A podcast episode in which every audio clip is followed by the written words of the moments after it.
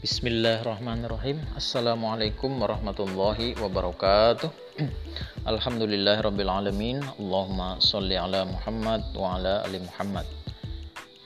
Pada pertemuan ini kita akan membahas materi yang berkaitan dengan mata pelajaran Sejarah Kebudayaan Islam untuk kelas 12 Mansa Temurung Raya. Pada semester ganjil atau semester 1 ini ada tiga bab yang akan kita pelajari. Bab pertama berkaitan dengan perkembangan Islam di Indonesia. Kemudian bab kedua membahas tentang peran wali songo dan ulama ulama Islam dalam penyebaran Islam di Indonesia. Kemudian bab ketiga berkaitan dengan kerajaan-kerajaan Islam di Indonesia. Pada bab 1 atau bab pertama yang akan kita bahas hari ini, kita membahas tentang perkembangan Islam di Indonesia yang meliputi pertama berkaitan dengan situasi dan kondisi Indonesia atau wilayah Nusantara sebelum kedatangan Islam. Kemudian yang kedua membahas tentang jalur masuk Islam ke Indonesia atau asal mula Islam di Indonesia. Kemudian yang ketiga berkaitan dengan strategi termasuk juga metode dan cara penyebaran atau dakwah Islam di Indonesia. Kemudian yang keempat berkaitan dengan fase atau tahapan atau proses penyebaran Islam di Indonesia. Kita masuk kepada bahasan situasi dan kondisi wilayah Indonesia sebelum kedatangan atau kehadiran Islam. Kita ditinjau dari segi wilayah atau geografis. Indonesia atau Nusantara termasuk dalam wilayah kepulauan, berada di daerah Katulistiwa dengan iklim tropis yang memiliki dua musim yang terjadi sepanjang tahun, yaitu musim penghujan dan musim kemarau iklim dan cuaca dan musim yang terjadi di Indonesia ini mempengaruhi kehidupan masyarakatnya baik di bidang e, perekonomian, di bidang sosial, bidang politik dan lain sebagainya. Nah, sementara dari segi keyakinan masyarakat atau penduduk Nusantara sebelum kehadiran kedatangan Indon kedatangan Islam sudah memiliki beberapa keyakinan atau agama yang dianut baik itu memiliki agama asli yaitu di animisme ataupun juga dinamisme yang memiliki keyakinan bahwa pada setiap benda atau sesuatu itu memiliki roh atau kekuatan. Nah, itu adalah agama yang dianut oleh masyarakat Nusantara pada zaman dulu. Ini yang berkaitan dengan keyakinan-keyakinan terhadap alam, sesuatu yang gaib. Nah, selain adanya ajaran atau keyakinan animisme dan dinamisme, penduduk Nusantara pada masa itu juga memiliki sudah menganut agama Hindu dan Buddha yang disebar oleh para e, penyebarnya. Kemudian juga berdiri kerajaan-kerajaan di zaman dulu, baik kerajaan Sriwijaya, Majapahit, kerajaan Kutai dan lain sebagainya. Nah, sementara ditinjau dari sisi ekonomi, masyarakat Indonesia sebelum eh, kehadiran Islam sudah memiliki aktivitas ekonomi seperti aktivitas di bidang pertanian, kemudian aktivitas di bidang perdagangan, aktivitas di bidang perindustrian dan lain sebagainya. Khususnya di bidang perdagangan, masyarakat Indonesia melakukan aktivitas perdagangan tidak hanya terhadap sesama mereka, masyarakat Indonesia, tapi juga melakukan aktivitas interaksi atau hubungan atau kontak dagang dengan e, berbagai bangsa di dunia, termasuk pedagang dari Arab, pedagang dari Cina, pedagang dari India, dari Persia, dan lain sebagainya. Nah, sementara ditinjau dari segi politik pemerintahan, masyarakat Indonesia sebelum kehadiran Islam sudah memiliki yang namanya institusi atau lembaga atau kegiatan politik pemerintahan yang dilakukan oleh kerajaan-kerajaan seperti kerajaan Sriwijaya, kerajaan Majapahit dan kerajaan-kerajaan lain yang bercorak Hindu-Buddha. Sementara dalam bidang kesenian dan sastra, masyarakat Indonesia pada masa itu sebelum kehadiran Islam kaya dengan berbagai produk atau karya-karya kebudayaan seperti seperti bidang sastra dengan adanya misalnya gamelan, wayang, kemudian e, pujangga-pujangga, ahli-ahli pujangga sastra dan kitab-kitab yang e, bernuansa sastra. Jadi situasi dan kondisi Islam di Indonesia, situasi dan kondisi Indonesia sebelum kehadiran Islam itu sudah hadir baik dari segi keyakinan, perekonomian, politik, kesenian, dan sastra. Baru kemudian Islam hadir. Nah, selanjutnya kita membahas tentang jalur masuk Islam ke Indonesia atau asal mula Islam di Indonesia. Itu dari mana? nah, para ahli atau sejarawan itu memunculkan, mengemukakan pendapat-pendapatnya sehingga lahir atau muncul empat teori yang berkaitan dengan jalur masuk atau asal mula Islam ke Indonesia. Yang pertama berkaitan dengan teori Gujarat atau teori India. Yang kedua adalah teori Arab yang ketiga teori Persia, kemudian yang keempat teori Cina. Yang pertama teori teori Gujarat atau teori India. Ini biasanya dikemukakan oleh para sejarawan dari Belanda seperti Hurgronj, Schnabel dan lain sebagainya. Mereka menyatakan bahwa Islam masuk ke Indonesia dibawa oleh uh, orang Islam yang juga berprofesi sebagai pedagang yang berasal dari wilayah uh, Gujarat di India. Jadi menurut mereka Islam di Indonesia itu disebarkan atau dibawa oleh orang-orang Islam yang berasal dari India. Kemudian yang kedua adalah teori Arab.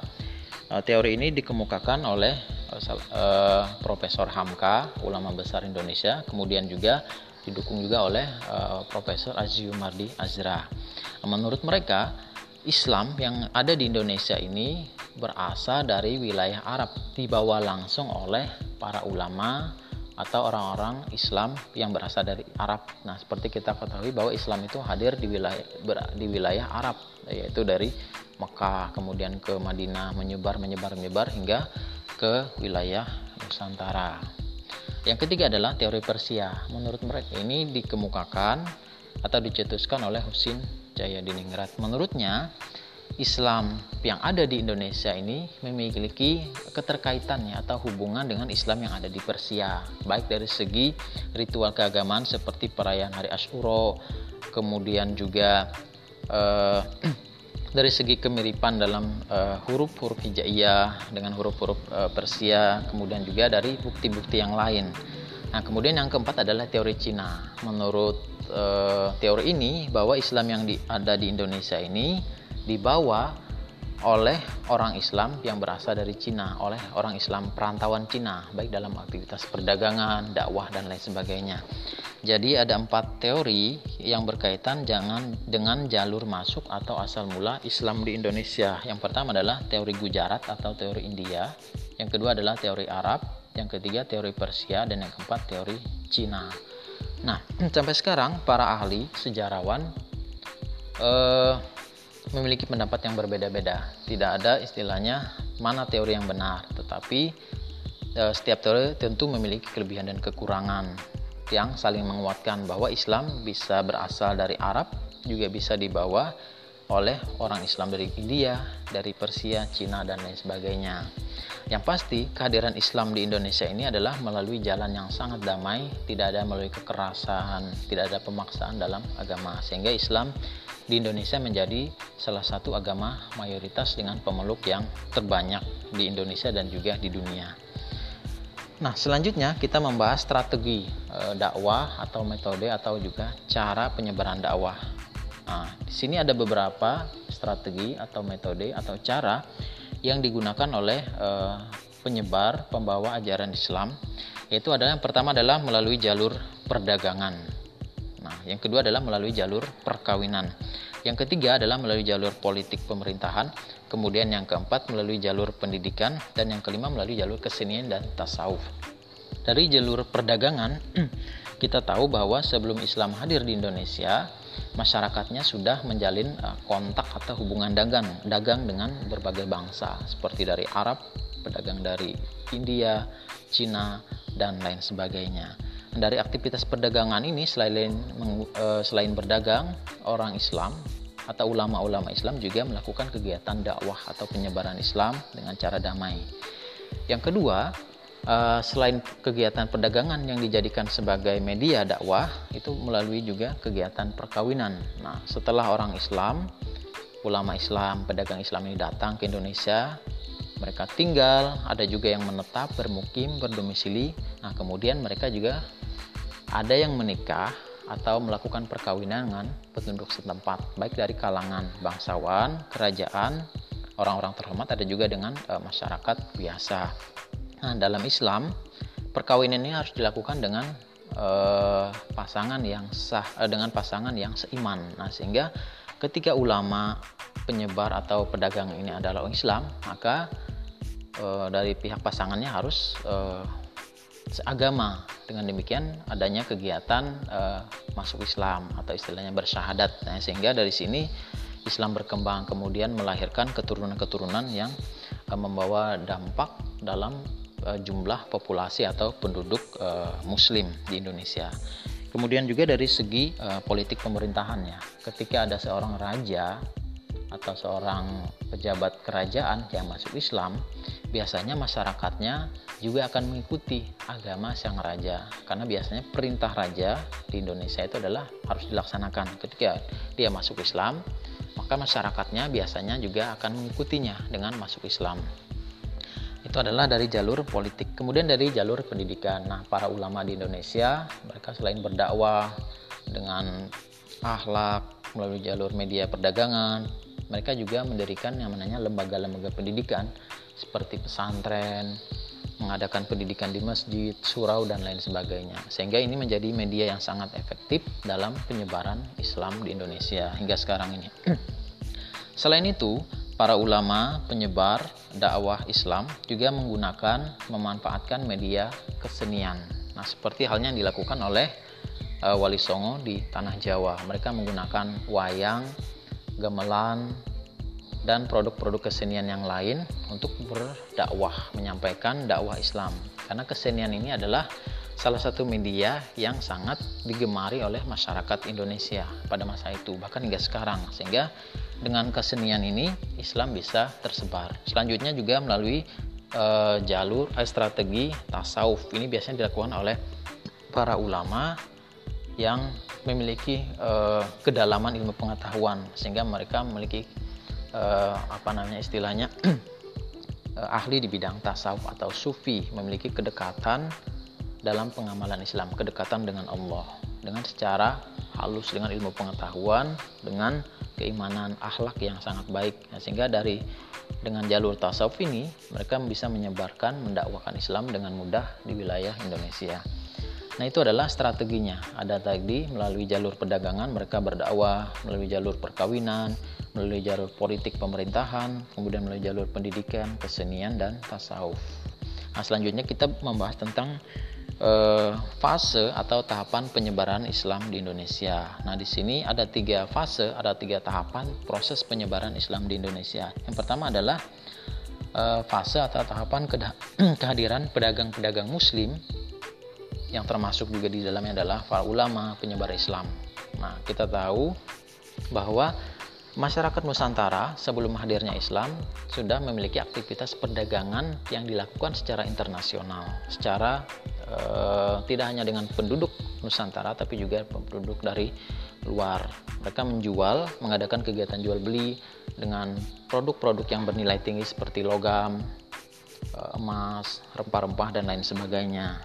Nah, di sini kehadiran pedagang muslim dari berbagai negara, dari berbagai wilayah seperti dari Arab, India, Cina, Persia dan lain sebagainya, mereka juga membawa misi dakwah atau penyebaran Islam.